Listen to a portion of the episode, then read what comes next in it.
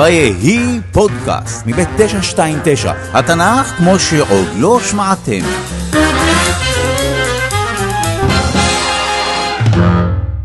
זהו הסיפור על יהושע, חלק ראשון, יריחו.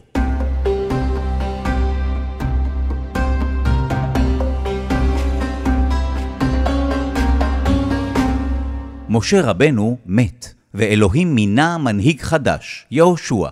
מי? יהושע, זוכר? משבט אפרים? זה שפיקד על המלחמה נגד עמלק? לא מצלצל לי מוכר. הוא היה אחד מ-12 המרגלים שמשה שלח. איך, איך אמרת?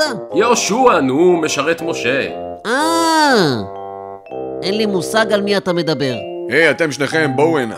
בוא, יהושע קורא לנו. אבל זה מה שאמרתי לך כל הזמן, יהושע! לא, אתה אמרת את זה אחרת. אמרת את זה עם שני שורוק. או, נו.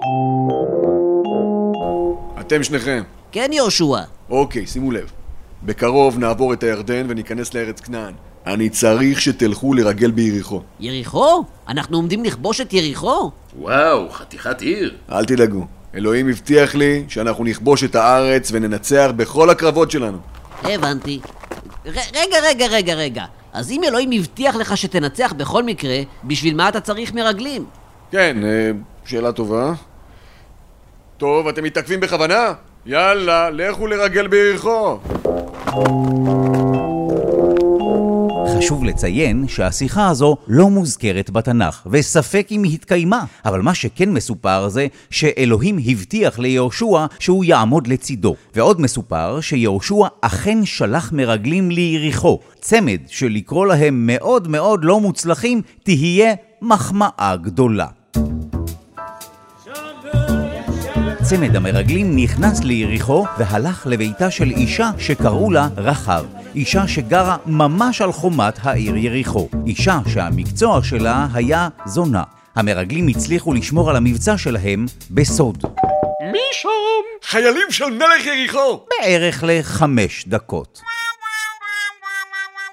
אנחנו מבקשים שתוציא את שני המרגלים החוצה. מרגלים? אין פה שום מרגלים. אה, שנייה, אני כבר חוזרת, שכחתי משהו על האש. תתחבאו, תתחבאו! כן, איפה היינו? אה, היו פה באמת שני אנשים, אבל אני לא יודעת איפה הם. בטח לא מתחת לשולחן. רגע, נזכרתי. הרי בלילה אנחנו סוגרים את שער העיר, נכון? אז הם הלכו לשם. אם תרוצו מהר, תשיגו אותם. אוקיי, חיילים, אין לי שום סיבה לחשוב שהאישה הזאת משקרת! אחריי! רחב החביאה את צמד המרגלים על הגג של הבית שלה. תשמעו, כולם שמעו על הניסים שאלוהים עשה לכם שהוציא אתכם ממצרים, ומה אני אגיד לכם? כולם פה בכנען מתים מפחד. ברור לכולם שאלוהים איתכם. ועכשיו, בגלל שהצלתי אתכם, כשתכבשו את יריחו, תדאגו שאני ובני משפחתי נישאר בחיים? רחב, שכבר אמרנו שגרה ממש על החומה של העיר, שלשלה את שני המרגלים למטה בחבל, והם הבטיחו לה שהמשפחה שלה לא תיפגע אם היא תסמן את הבית שלה בחוט אדום. בוא, בוא, בוא, בוא, מהר. נו, חזרתם מיריחו? כן, אין מה לדאוג. כולם שמעו עלינו, וכולם מתים מפחד. וזהו? לא קרה עוד אה, שום דבר מעניין? אתה מספר לו? הדבר הבא שקרה זה שבני ישראל עברו את הירדן. גם כאן אלוהים עשה להם נס, ועצר את מי הירדן. ראשון עבר ארון הברית, וכל העם אחריו. וגם בכיבוש יריחו היה מעורב נס. אוקיי, שימו לב, התוכנית היא כזאת אלוהים מצווה שנקיף את יריחו פעם אחת בכל יום ככה נעשה שבעה ימים, וביום השביעי נקיף את יריחו שבע פעמים יש לי ציפורן חודרנית, אפשר לקבל פטור? וכך היה. שישה ימים הקיפו בני ישראל את יריחו, פעם אחת בכל יום, וביום השביעי הקיפו את יריחו שבע פעמים. ובפעם השביעית הכהנים תקעו בשופרות, והעם הריע. וחומת יריחו נפלה.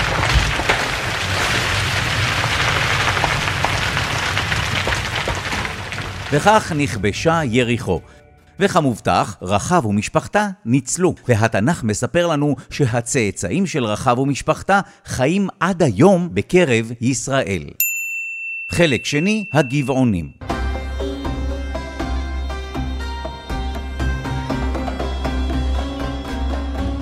אחרי יריחו, יהושע ובני ישראל כבשו עוד עיר שקראו לה עי. ואז הבינו כל המלכים בכנען שהם בצרה. אגב, אולי כבר שמתם לב שבאותה תקופה היו הרבה מלכים בכנען. בכל מקרה, תושבי עיר אחת בשם גבעון מצאו דרך מעניינת להתמודד עם הכובשים המאיימים. הנה, הבאתי לחם ממש ישן, תראו, הוא מלא בעובש. ואני הבאתי את השקים הכי בלויים שיש לנו ואת המימיות הכי ישנות. וכולנו התלבשנו בבגדים הכי מלוכלכים וקרועים שיש לנו. מה התוכנית? או, שמעו מה נעשה. הגבעונים עלו על החמורים שלהם ורכבו עד למחנה של בני ישראל. שלום לכם, מאיפה באתם? אנחנו, אנחנו באנו מרחוק, ממש ממש מרחוק. הם לא באו מרחוק. מרחוק, אומרים לך.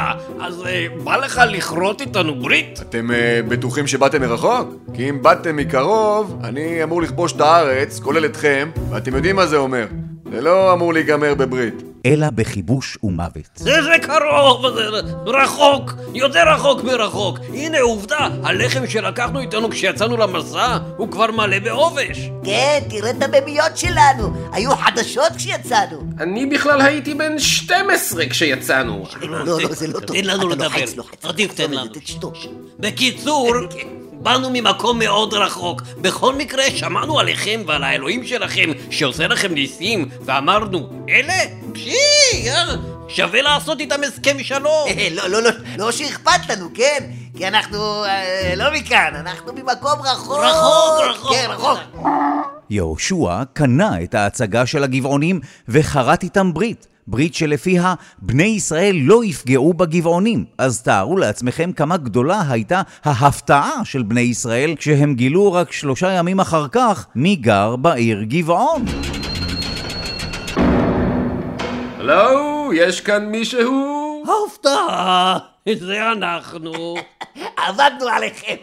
למה רימיתם אותנו? שאלה מוזרה. אני חושב שזה היה כדי לא למות. ובאמת, בגלל הברית, בני ישראל לא יכולים היו לפגוע בגבעונים. אבל יהושע, בכל מקרה, נתן להם עונש. אתם לנצח תהיו חוטבי עצים ושואבי מים לבית אלוהי. הוא התכוון שהם יעבדו בעבודות האלה במשכן, ומאוחר יותר במקדש שיוקם בירושלים. בכל מקרה, חמישה מלכים מדרום כנען ממש לא אהבו את הברית בין הגבעונים ליהושע.